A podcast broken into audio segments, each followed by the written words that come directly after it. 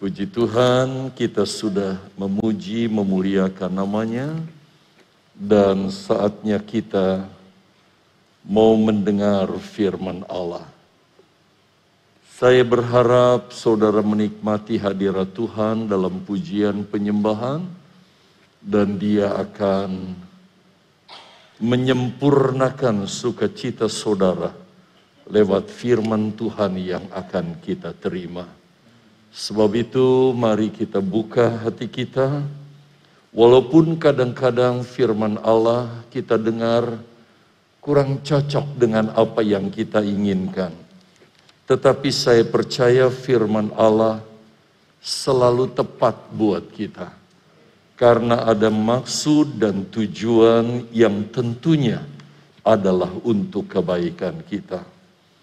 Saya ingin melanjutkan bagian-bagian akhir dari bahasan kita tentang akhir zaman. Sebenarnya saudara kalau dibahas dengan detail, kita memerlukan begitu banyak sesi untuk membahas ini. Saya di sekolah Alkitab untuk membahas ini memerlukan sekitar 42 sesi setiap sesinya satu setengah jam. Jadi saudara bisa bayangkan bagaimana berapa banyak yang harus kita ketahui tentang akhir zaman. Maaf saya buka aja ya. Facialnya atau eh sorry maskernya supaya bisa lebih suaranya lebih uh, bisa jelas saudara dengar. Jadi banyak sekali yang sebenarnya kita harus bahas. Tetapi saya berharap dengan beberapa bagian yang sudah dibahas, itu akan melengkapi pengertian saudara. Kalau ada yang tidak mengerti itu adalah biasa, di sekolah Alkitab ada kesempatan untuk tanya jawab, tetapi di gereja tentu tidak bisa. Tapi saudara sebenarnya bisa tanya jawab di kemah saudara. Karena saudara bisa berinteraksi di sana, tetapi kalau ibadah raya, monolog ya, dari pembicara, saudara mendengar. Walaupun nggak mengerti, ya telan saja. Tetapi saudara bisa kembangkan itu di kemah. Mudah-mudahan itu dia realisasi ya, tetapi kalau tidak, mau apa lagi? Nah, kali ini saya ingin berbicara tentang tema kedatangan Yesus kedua kali.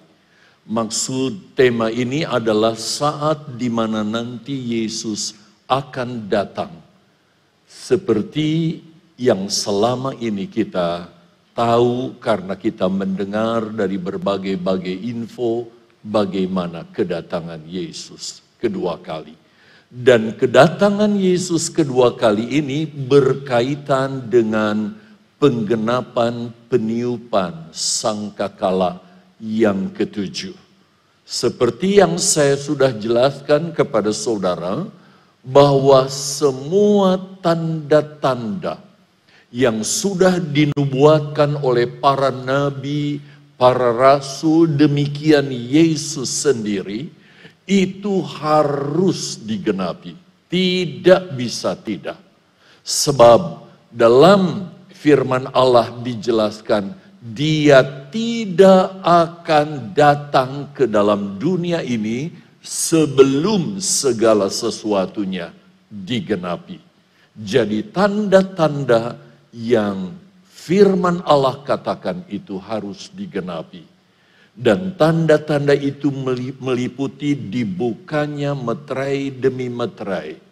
Dan kita tahu ada enam meterai yang dinyatakan Tuhan. Lalu itu semua dibuka. Kemudian setelah meterai yang ketujuh digenapi, apa yang dinubuatkan dinyatakan akan disusul dengan peniupan sangkakala demi sangkakala dan sangkakala ketujuh adalah kedatangan Yesus kedua kali. Untuk mendasari ini saya ajak saudara bagi yang membawa Alkitab, membuka Alkitab di dalam kitab Wahyu pasal 10 dan kita perhatikan ayat yang ketujuh. Inilah apa yang dikatakan dalam Wahyu 10 ayat yang ketujuh. Saudara perhatikan ada huruf-huruf yang diberi tanda di mana nanti saya akan jelaskan kepada saudara. Dikatakan, tetapi pada waktu bunyi sangkakala dari malaikat yang ketujuh, yaitu apabila ia meniup sangkakalanya.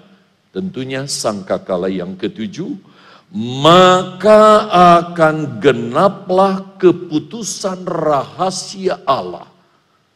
Seperti yang telah diberitakan kepada hamba-hambanya, yaitu para nabi. Yang saya ingin tekankan kepada saudara, di dalam ayat ini dikatakan pada waktu bunyi sangkakala dari malaikat yang ketujuh.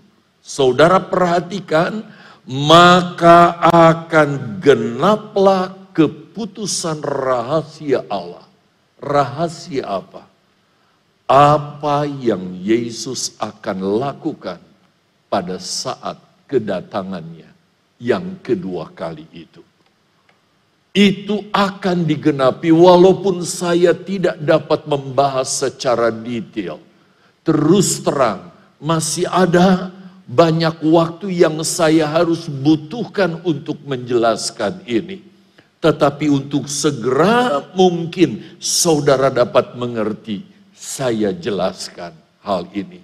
Untuk itu mari kita perhatikan tentang pendahuluan dari bahasan ini bahwa kalau kita memperhatikan saudara, kejadian demi kejadian, peristiwa demi peristiwa yang telah terjadi dan akan terjadi sebelum Yesus datang kedua kali, maka tanda-tanda itu akan ter atau akan digenapi terlebih dahulu sebelum Yesus datang. Dan tanda-tanda itu perhatikan Bapak Ibu meliputi beberapa kejadian. Dan kejadian itu urut-urutannya seperti dapat kita lihat. Tayangan yang saya berikan kepada saudara untuk memudahkan dan mempersingkat waktu. Yang pertama, Yesus firman Allah katakan akan turun dari sorga ke angkasa. Itu jelas ditulis di dalam surat 1 Tesalonika pasal yang keempat ayat 16 dan ayat 17 dan ada beberapa ayat lainnya tetapi ayat itu sangat terkenal sehingga saudara bisa melihatnya bagaimana dijelaskan saat itu Yesus turun dari sorga ke angkasa. Mungkin ada di antara saudara yang bertanya, turun dari sorga, pada umumnya kita sering mendengar istilah sorga. Lalu turunnya ke angkasa, angkasa yang mana? Sebab sehari-hari kita bisa melihat angkasa itu ada di sekitar atau di atas kita. Ke mana kita pergi di muka bumi ini, kita lihat ada angkasa. Jadi angkasa yang mana? Nah saudara, kalau kita mempelajari apa yang dijelaskan oleh para rasul, salah satu di antaranya kesaksian Rasul Paulus dalam 2 Korintus pasal 12 ayat yang kedua. Sebenarnya ada beberapa ayat sebelumnya dan setelahnya yang bisa kita baca, tetapi saya rasa cukup dengan membaca 2 Korintus 12 ayat 2. Kita akan mengerti sorga dan angkasa itu seperti apa. Kita lihat kesaksian Paulus. Apa yang dia ceritakan ini sebenarnya tentang dirinya tetapi dia tidak mau membanggakan dengan pengalaman yang supranatural ini. Yang tidak semua orang bisa alami. Dia sembunyikan nama dirinya. Itu sebabnya kita perhatikan ayat ini. Dikatakan, aku tahu tentang seorang Kristen. Itu sebenarnya tentang dirinya. 14 tahun yang lampau Entah dalam tubuh, maksudnya dalam keadaan tubuh fisik, aku tidak tahu. Entah di luar tubuh, jadi hanya rohnya saja diangkat, aku tidak tahu. Allah yang mengetahuinya.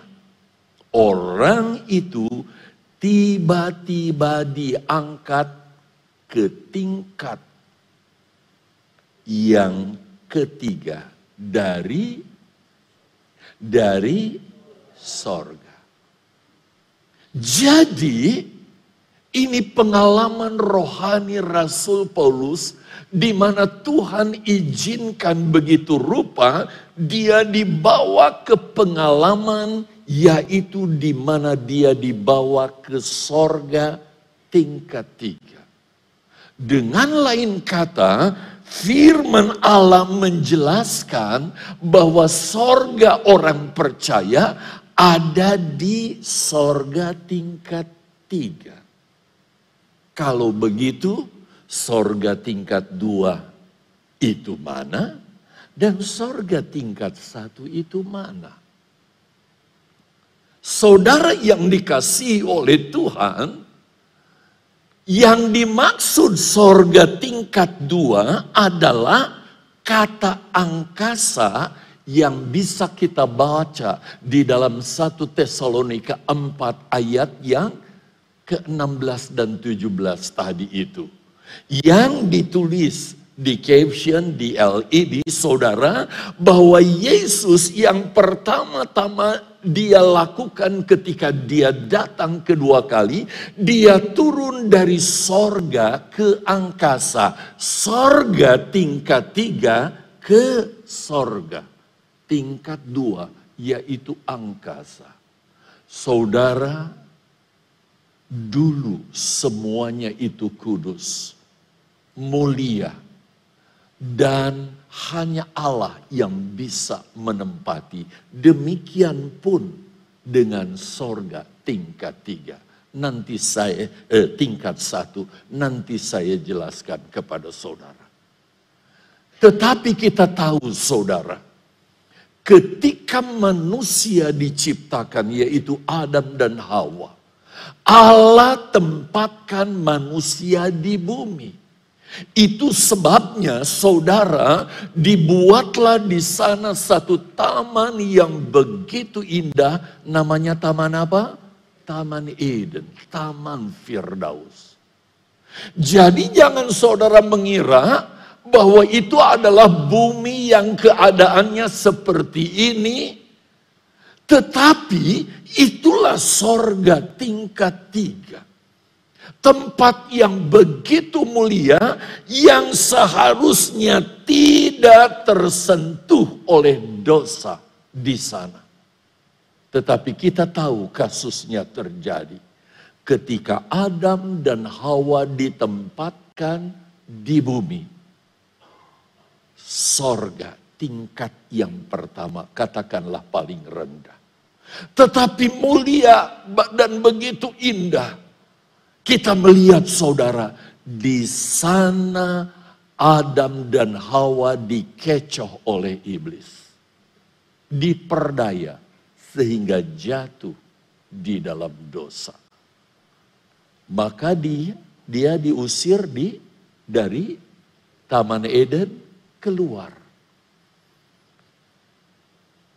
Jadi kita melihat saudara, bagaimana Allah menjaga kekudusan Eden itu.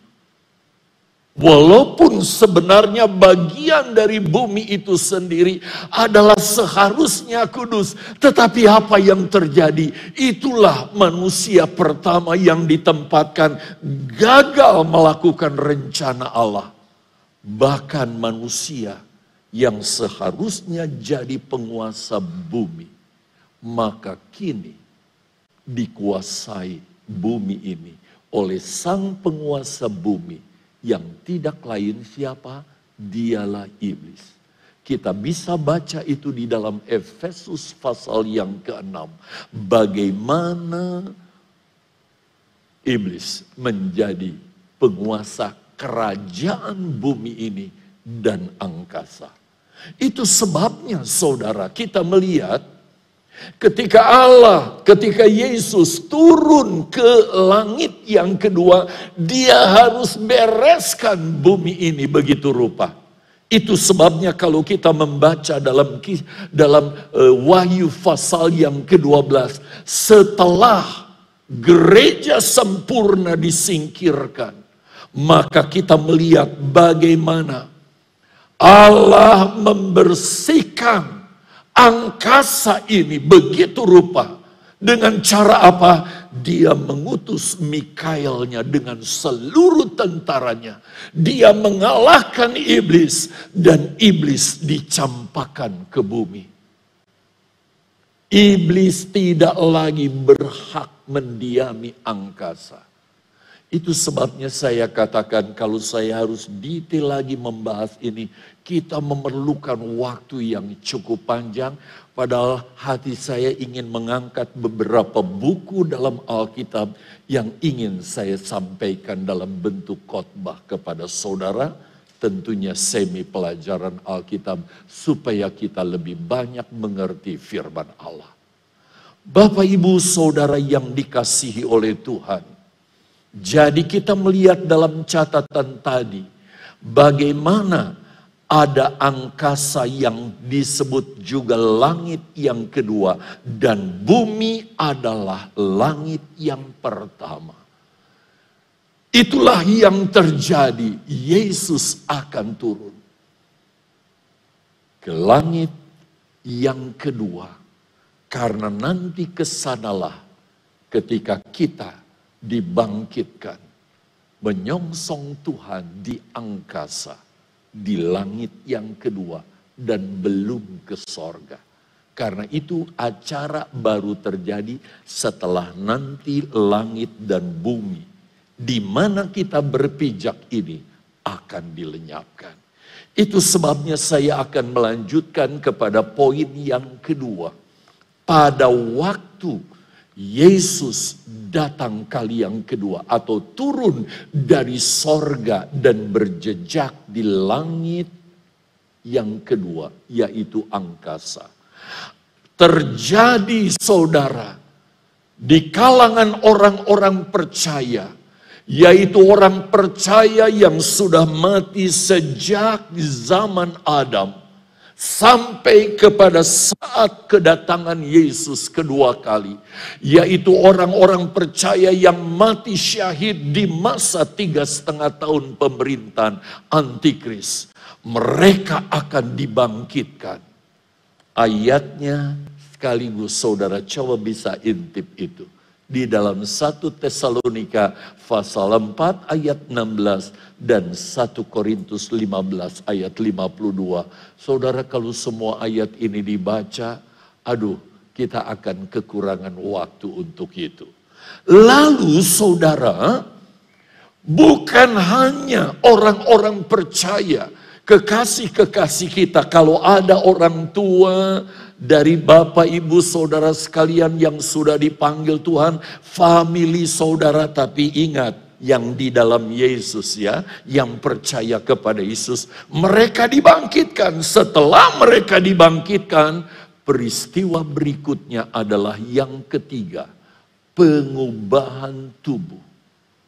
Orang-orang yang percaya, yang masih hidup sampai kedatangan Yesus kedua kali. Siapakah orang-orang percaya yang masih hidup sampai kedatangan Yesus kedua kali? Mereka tidak lain adalah gereja yang sempurna. Yang ketika antikris berkuasa di muka bumi ini, maka sebelum dia memerintah, gereja yang sempurna disingkirkan kepada gurun. Ini pernah kita bahaskan beberapa waktu yang lalu. Dan mereka setelah selesai masa antikris dan Yesus turun dari sorga ke langit. Maka saudara yang dikasihi Tuhan, dalam sekejap mata mereka diubahkan begitu rupa tubuh yang biasa, yang nafsani seperti ini, diubah menjadi tubuh ilahi yang sekualitas dengan Yesus, sekualitas dengan orang-orang percaya yang dibangkitkan pada kebangkitan pertama. Lalu saudara, baik yang dibangkitkan maupun yang diubahkan, yaitu gereja sempurna kita akan sama-sama menyongsong Tuhan di angkasa. Jadi bukan sorga langit yang ketiga, tetapi sorga langit yang kedua, yaitu angkasa. Coba kita lihat ini. Pengangkatan ke angkasa. Di mana orang-orang percaya yang dibangkitkan dan orang-orang percaya yang diubahkan diangkat Allah untuk menyongsong Tuhan Yesus di angkasa. Suatu keadaan yang sangat luar biasa indahnya. Inilah yang orang-orang percaya di zaman dulu suka nyanyikan. Sekarang dianggap lagu jadul nggak dipakai lagi. Padahal kalau kita nyanyikan nyanyian ini, wah indah sekali. Masih ada nggak yang bisa nyanyikannya? Ada pertemuan di udara, pertemuan yang manis. Wow, indah sekali. Sekarang saatnya bukan nyanyi, dengar firman Tuhan. Kita akan berjumpa dengan kekasih-kekasih yang sudah mendahului kita. Suatu keadaan yang sangat menyenangkan dan indah saudara. Dan kalau kita lihat dalam gambar kira-kira kronologisnya seperti ini. Coba saudara lihat ya. Kita lihat sejenak secara apa visual ya walaupun sederhana karena ini cuma skema saja. Perhatikan, Yesus akan turun dari langit yang pertama ke angkasa, saudara, itu setelah peristiwa ditiupnya sangkakala yang ketujuh. Itu sebabnya saya buat icon seperti ini ya. Sangkakala tujuh ditiup, maka Yesus turun dari sorga ke langit angkasa. Di sini? Ya tentu tidak saudara ya. Di satu tempat yang luar biasa. Yang tentu sudah disediakan Tuhan. Lalu apa yang terjadi? Perhatikan.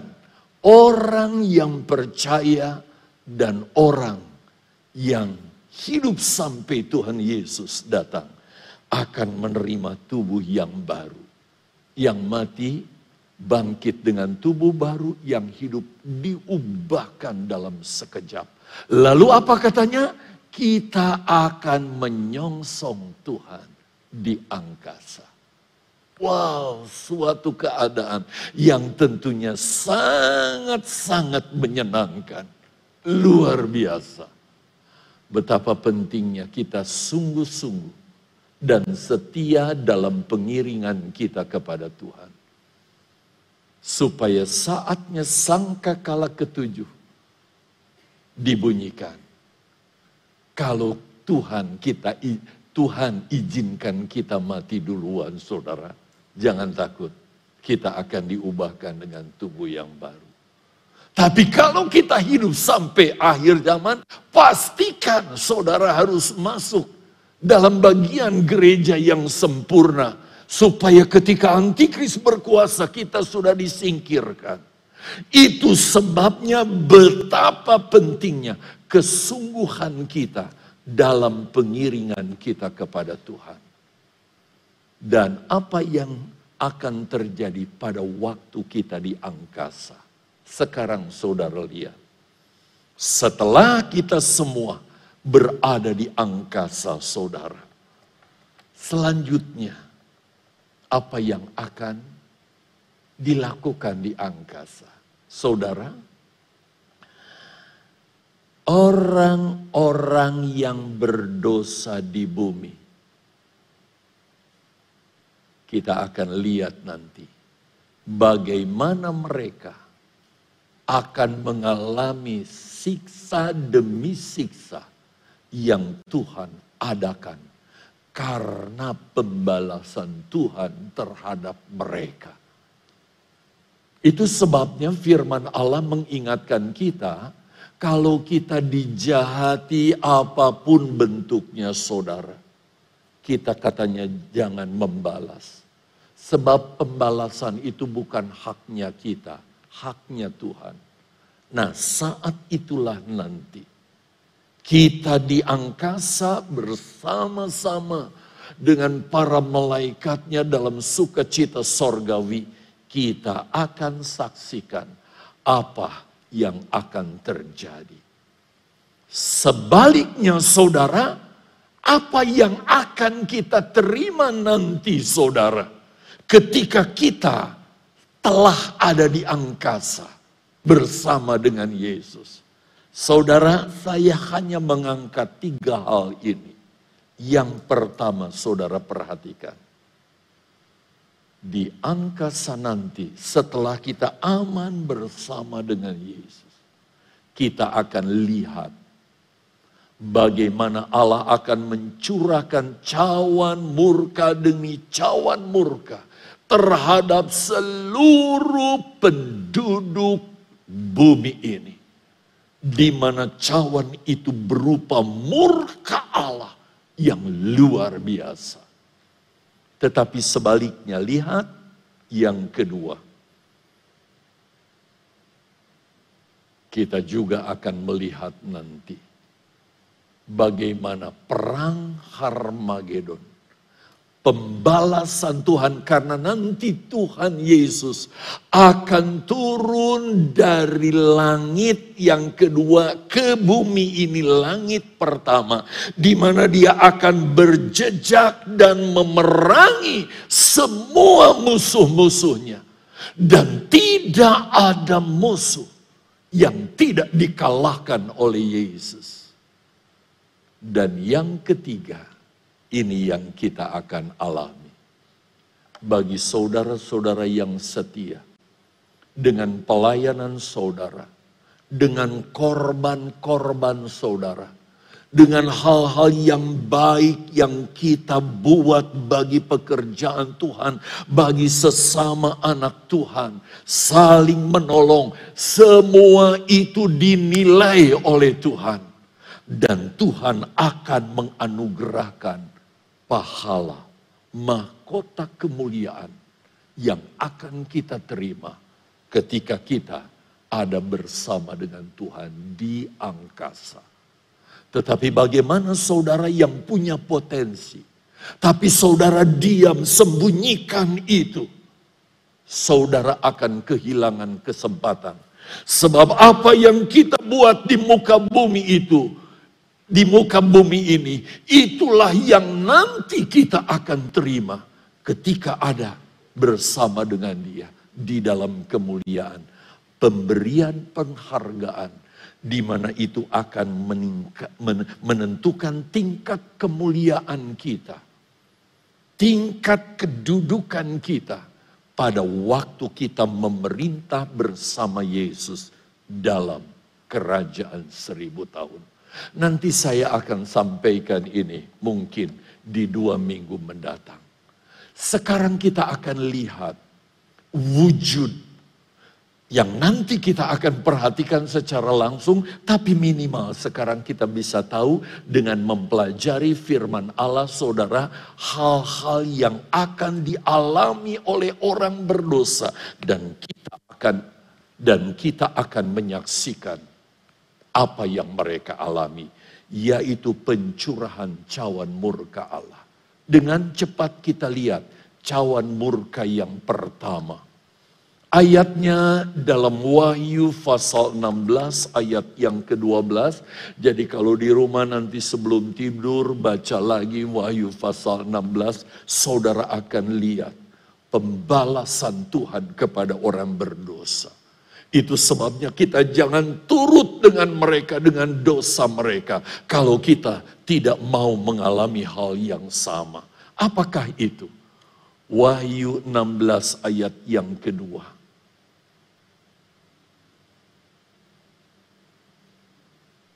Oke, saudara perhatikan. Maka pergilah malaikat yang pertama. Dan ia menumpahkan cawannya ke atas bumi. Langit yang pertama di mana orang berdosa ada di sana. Sedangkan kita sudah ada di angkasa bersama Yesus.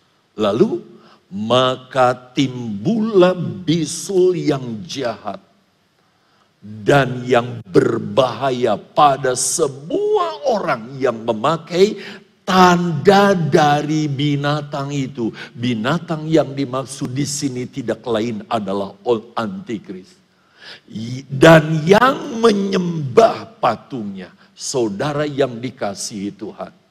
Semua penduduk bumi tidak terkecuali tidak akan ada yang terhindar karena mungkin dia punya sesuatu untuk menghindari.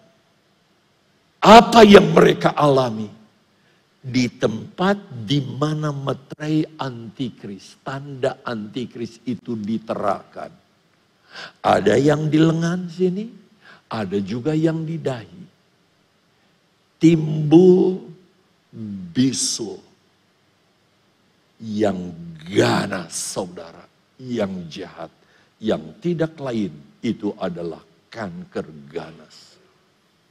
Dan mereka tersiksa begitu rupa sampai nanti mereka mengalami kematian di dalam neraka. Mereka akan mengalami itu, merasakan sakitnya sampai mereka masuk ke dalam neraka. sampai mereka mati dibinasakan oleh Yesus. Saudara yang dikasihi oleh Tuhan, inilah yang dialami oleh penduduk bumi setelah kita ada di angkasa. Aman bersama dengan dia. Lalu kita langsung saja yang kedua ya. Tadi pagi saya sempatkan saudara bahwa kenapa sampai sekarang metre metre itu belum diterakan. Sebab katanya resiko bisa menimbulkan kanker itu masih ada. Sehingga mereka terus berusaha begitu rupa untuk meminimais bahkan sampai merasa aman. Tetapi buktinya setelah dikenakan yang terjadi. Allah tuangkan cawan murka yang pertama. Dan semua penduduk bumi. Tidak terkecuali sebab mereka semuanya pakai meterai antikris. Karena mereka tidak bisa bertransaksi, tidak bisa melakukan berbagai kegiatan tanpa memiliki meterai itu. Yang kedua, kita lihat dulu Wahyu 16 ayat yang ketiga. Apa kata Wahyu 16 ayat yang ketiga? dikatakan begini. Dan malaikat yang kedua menumpahkan cawannya ke atas laut. Perhatikan ke atas laut. Maka airnya menjadi darah seperti darah orang mati. Dan matilah segala yang bernyawa, yang hidup di dalam laut. Bukan sepertiga lautan menjadi darah seperti kejadian-kejadian sebelumnya, tetapi air laut menjadi darah. Saudara, nelayan bagaimana? Para saudagar di kapal bagaimana? Mereka kehilangan mata pencarian. Mereka alami kesulitan dan mau tidak mau akan berdampak itu untuk manusia karena kita tahu betapa pentingnya fungsi laut itu bagi kita umat manusia. Tetapi saudara bisa bayangkan berubah jadi darah dar seperti darah orang mati. Itu belum selesai disusul pencurahan cawan murka yang ketiga. Apa bentuknya? Kita lihat dalam Wahyu pasal 16 ayat 4 sampai ayat yang ketujuh. Eh maaf, betul ya?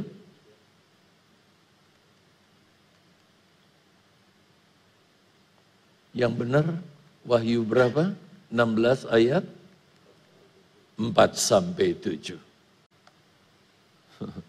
sebab saya terpengaruh dengan Kita lihat ayatnya. Wahyu 16 mulai ayat 4. Saudara, perhatikan. Saudara jangan ngeri ya, karena kita akan terhindar. Kalau saudara setia, sungguh-sungguh loh ya, dalam pengiringan kepada Tuhan. Dan malaikat yang ketiga menumpahkan cawannya atas sungai-sungai. Tadi laut, sekarang sungai-sungai dan mata-mata air. Dan semuanya, bukan sepertiga, setengah, tiga perabot. Semua mata air dan sungai-sungai saudara menjadi darah. Terus, dan aku mendengar malaikat yang ber, kuasa atas air itu berkata, apa? Adil. Bukan kejam Tuhan, adil.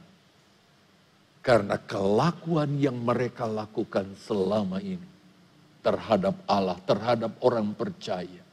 Kita diperlakukan begitu rupa, diperlakukan tidak adil. Sekarang Allah lakukan pembalasan dan komentar sorgawi. Adil engkau, engkau yang ada dan yang sudah ada. Engkau yang kudus yang telah menjatuhkan hukuman ini. Dan hukuman itu merupakan hal yang adil. Enam, apa katanya? Karena mereka telah menumpahkan darah orang-orang kudus dan para nabi. Engkau juga telah memberi mereka minum darah. Hal itu wajar bagi mereka. Lihat ayat yang ketujuh. Dan aku mendengar mesbah itu berkata, Ya Tuhan Allah yang maha kuasa, benar dan adil segala penghakimanmu. Saudara yang dikasihi Tuhan, tindakan Allah berbuat ini adalah setimpal dengan perbuatan yang mereka sudah lakukan selama ini. Bapak, ibu, saudara yang dikasihi oleh Tuhan, segera kita melihat bagaimana ketika cawan murka yang keempat dicurahkan. Kita lihat di dalam ayat yang ke-8 dan 9. Apa kata Wahyu 16 ayat 8 dan 9. Dikatakan dalam ayat 8 dan 9. Dan malaikat yang keempat menumpahkan cawannya ke atas matahari. Matahari. Dan kepadanya diberi kuasa untuk menghanguskan manusia dengan api. Ketika matahari di curahkan cawan murka Allah yang keempat. Dan manusia dihanguskan oleh panas api yang dahsyat. Dan mereka menghujat nama Allah yang berkuasa atas malapetaka-malapetaka itu. Dan mereka tidak bertobat untuk memuliakan dia, yaitu Allah. Saudara, matahari ber berubah menjadi matahari yang seolah-olah tidak ada lagi. Apa itu? Ilmu pelajaran yang kita alami ada penghalang ya. Di mana matahari itu sehingga bisa kita rasakan sinarnya dengan enak dengan nikmat saudara kecuali ada suhu tertentu karena banyak sudah lubang-lubang ozon yang rusak saudara sehingga tidak lagi jadi ada ada penghalang atau ada screennya begitu rupa. Jadi saudara manusia disiksa dengan sengatan matahari. Mereka menjadi terbakar karena panas. Mereka buka baju bah Kulit mereka melepuh begitu rupa, tersiksa. Dan mereka hanya bisa menghujat-hujat Allah. Ada yang bertanya satu waktu kepada saya, kenapa mereka kok malah menghujat? Kenapa mereka tidak bertobat? Saya katakan, di masa antikris kemurahan Allah sudah diangkat. Tidak ada seorang pun yang dapat bertobat lagi untuk dipulihkan dari dosa mereka alias untuk bertobat sudah kasep. Tidak ada kesempatan lain. Yang mereka tanggung adalah siksa dan kebinasaan yang mengerikan. Cepat dengan cawan murka yang kelima sekarang kita lihat saudara. Cawan murka yang kelima. Wahyu 16 ayat yang ke-10 dan 11. Mari kita perhatikan ayat 10 dan ayat yang ke-11. Dan malaikat yang kelima menumpahkan cawannya ke atas tahta binatang itu dan kerajaannya menjadi gelap. Kerajaan antikris di mana saudara?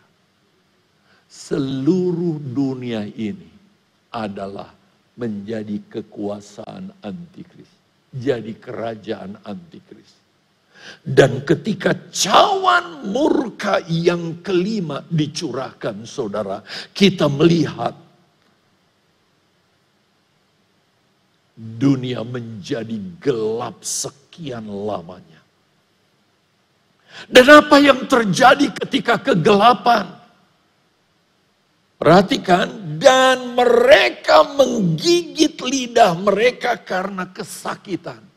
Jadi kegelapan saudara mendatangkan kesakitan yang begitu hebat. Nanti saya jelaskan, lihat ayat 11 dulu.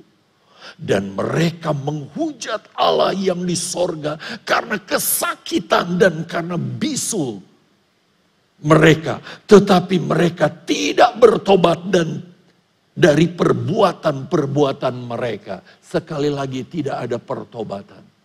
Yang ada hanyalah hujatan. Tetapi mereka tersiksa begitu rupa karena kegelapan.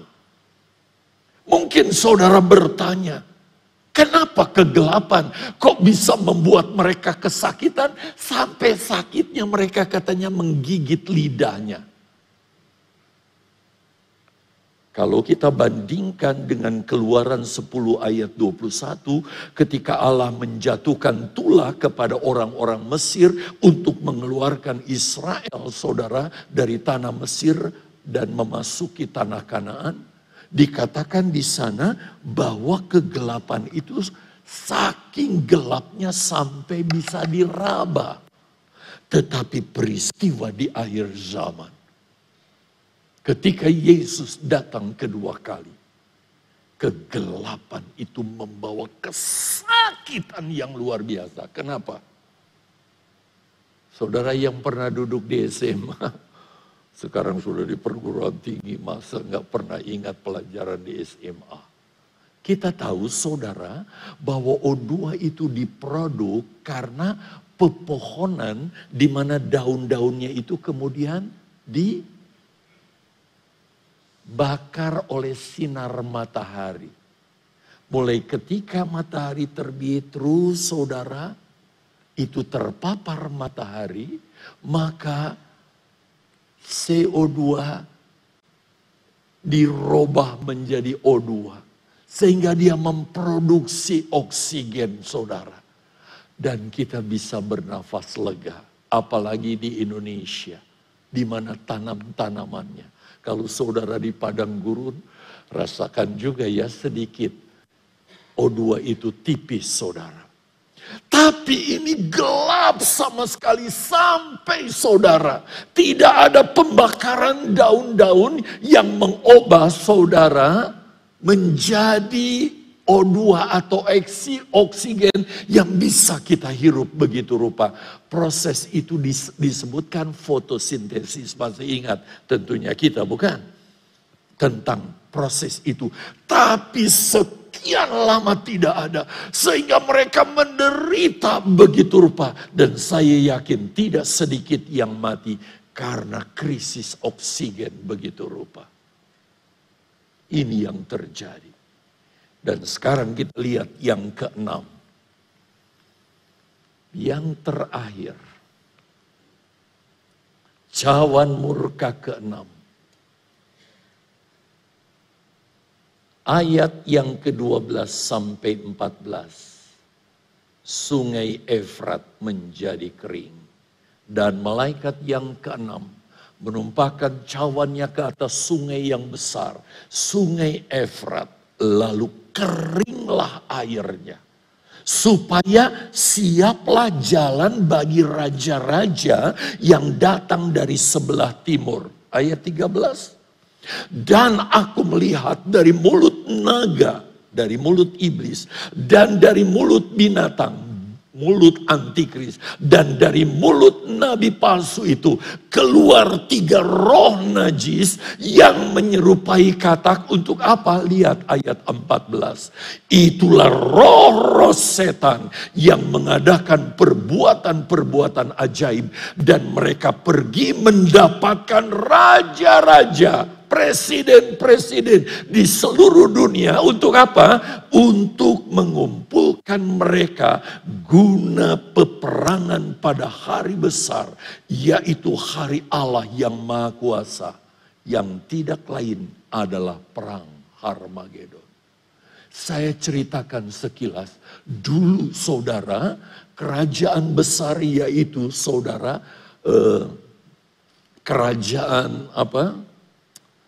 Selain Babil, kerajaan saya sudah sebut tadi, kalau lupa. Hah, apa? Syur, syur itu apa? Asyur ya, Asyur saudara. Mereka tuh tidak gampang untuk datang ke Israel, nyerang Israel. Karena ada sungai Efrat yang luas, dalam, dan deras airnya. Komunikasi, apa transportasi mereka saat itu terbatas. Sehingga mereka kalau mau nyerang Israel harus ke utara dulu, datang dari utara baru menyerang Israel. Itu sebabnya walaupun mereka ada di daerah timur, tapi mereka datang dari utara. Sampai disebut sebagai kerajaan dari utara. Tetapi ini menjadi kering sehingga Saudara katakan mereka dengan gampang menyeberangi itu untuk semuanya datang ke Israel. Jadi ini sebenarnya merupakan tipologi. Bagaimana kita melihat sekarang saudara. Pemerintah-pemerintah dunia yang anti Israel. Sampai sekarang mereka tidak membuka hubungan diplomatik dengan Israel. Termasuk negara Saya nggak sebut, sebab nanti nggak enak. Sebab direkam toh. Ini. Tapi jangan kaget. Di akhir zaman ini. Negara-negara Arab saja sekarang sudah buka hubungan diplomatik dengan Israel. Sampai nanti ketika antikris berkuasa, semua negara dunia akan datang ke sana. Mulai dari presidennya sampai tentara elitnya. Yang karena dihasut oleh iblis yang keluar dari mulut. Baik iblis, antikris maupun juga nabi palsu. Yang akan saudara menghasut mereka datang ke sana bagi peperangan yang besar. Kita lanjut catatan kita. bagi perang besar, yaitu perang ini, perang Harmagedon. Dan pada saat itulah saudara, semua raja-raja akan dikalahkan oleh Yesus. Karena Yesus akan datang akan turun berjejak di bumi ini. Dengan tentaranya yang besar, bahkan orang-orang kudusnya, saya harap saudara dan saya masuk ke bagian gereja yang sempurna, yang akan diundang dalam perang besar ini untuk melakukan pembalasan kepada semua orang-orang berdosa. Itu sebabnya saudara, sedikit lagi gambar ini kita tampilkan ya. Coba kita lihat gambar ini. Saya gambar dalam bentuk lain. Ya. Saudara yang belum ditiup di sana di gambarnya sangkakala ketujuh bukan? Kita lihat sangkakala di ketujuh ditiup Yesus akan turun dari sorga ke angkasa. Lalu orang-orang percaya, baik yang dibangkitkan maupun yang diubahkan gereja sempurna, kita akan menyongsong Tuhan di angkasa. Aman, safe, kita bersama dengan Tuhan. Wah menyenangkan, bahkan nanti kita akan mendapat reward, pahala saudara. Tetapi ketika kita di angkasa, kita akan menyaksikan peristiwa Allah lakukan pembalasan terhadap dosa-dosa orang berdosa yang jahat itu. Mulai dari metrai pertama yang sudah kita bahas, bukan? Kedua, ketiga, keempat, kelima, dan yang keenam yang tadi kita bahas. Semua dari berbagai negara kumpul di Israel dengan pasukan elitnya, bahkan pemimpinnya dipakai istilah raja-raja dalam Alkitab akan datang ke sana. Bagi satu perang yang besar, coba gambar perangnya. Ini dia, perang Harmagedon. Maka lihat saudara, dari angkasa, Yesus dengan tentara sorganya Bahkan kita di mendapat penghormatan karena kita juga diajak untuk turun, yaitu orang-orang kudusnya. Lihat dalam perang ini. Dan bagi Allah bukan hal yang mudah untuk mengalahkan mereka.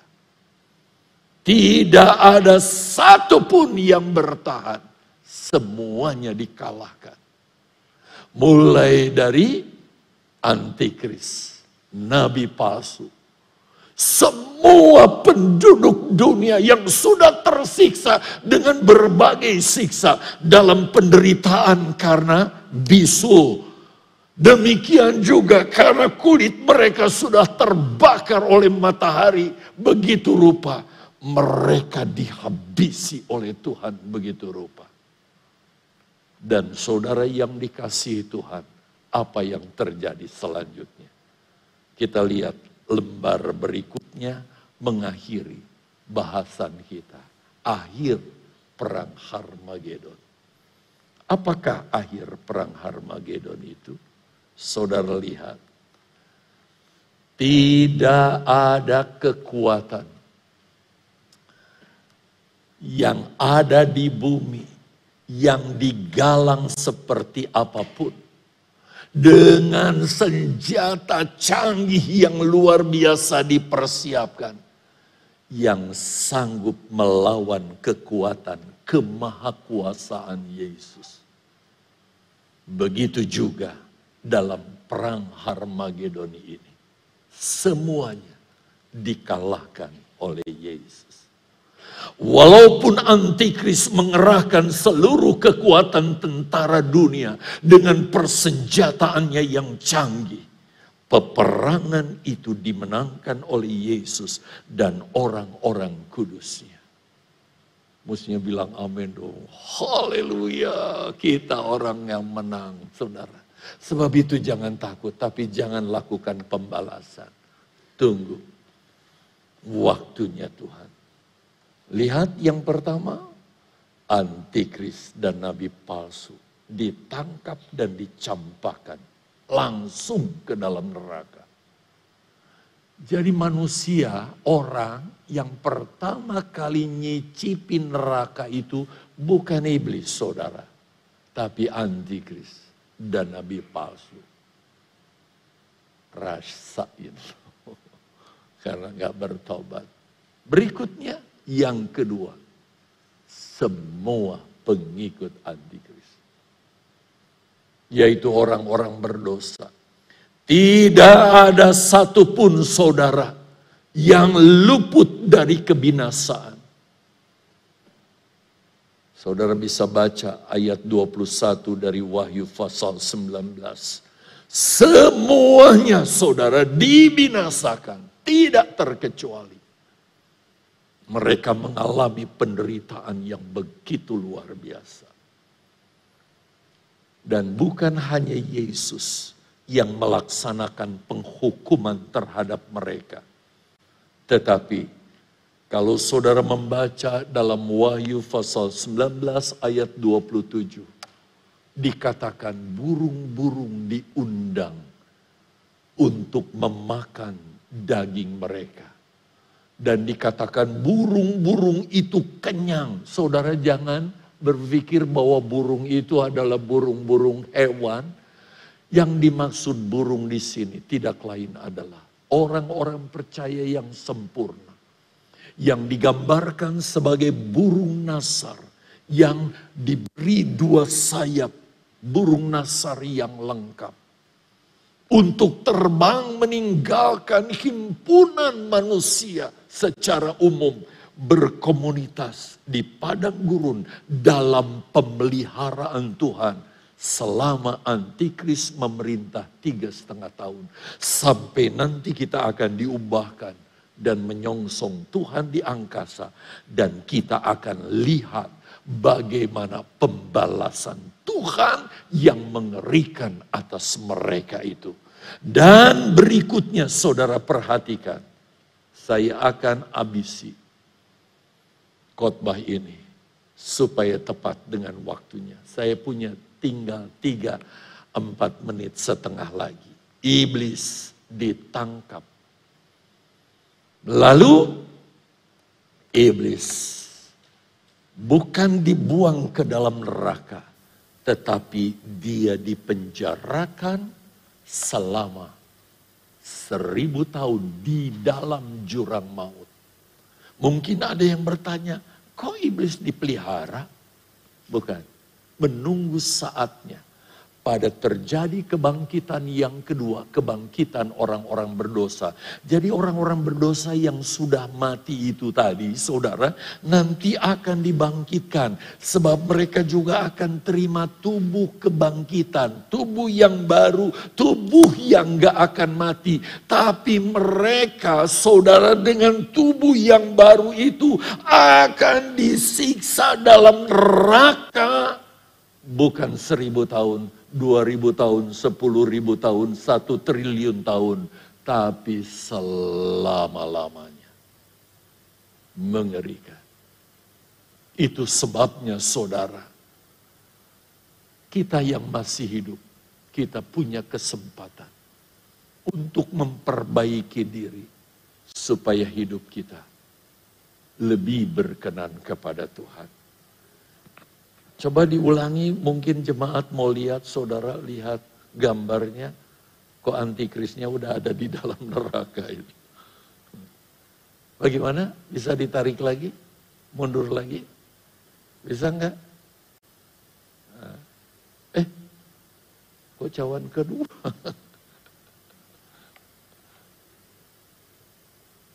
Oke. Okay. Sesudah cawan murka ke-6, perang Harmagedon. Lalu yang pertama lihat antikris dan nabi palsu. Yang pertama ditangkap dalam perang Harmagedon. Setelah mereka ditangkap, mereka langsung dibuang ke dalam ini neraka. Silakan. Nah, mereka lah yang pertama mengicipi. Kemudian yang kedua ditangkap adalah lanjutkan aja gambarnya. Ah, oke. Okay. Iblis. Silakan. Dipenjarakan di jurang maut. Saya nggak punya gambar lain ada drum saya taruh. Dimeteraikan sehingga dia tidak keluar, tidak bisa keluar ke mana-mana.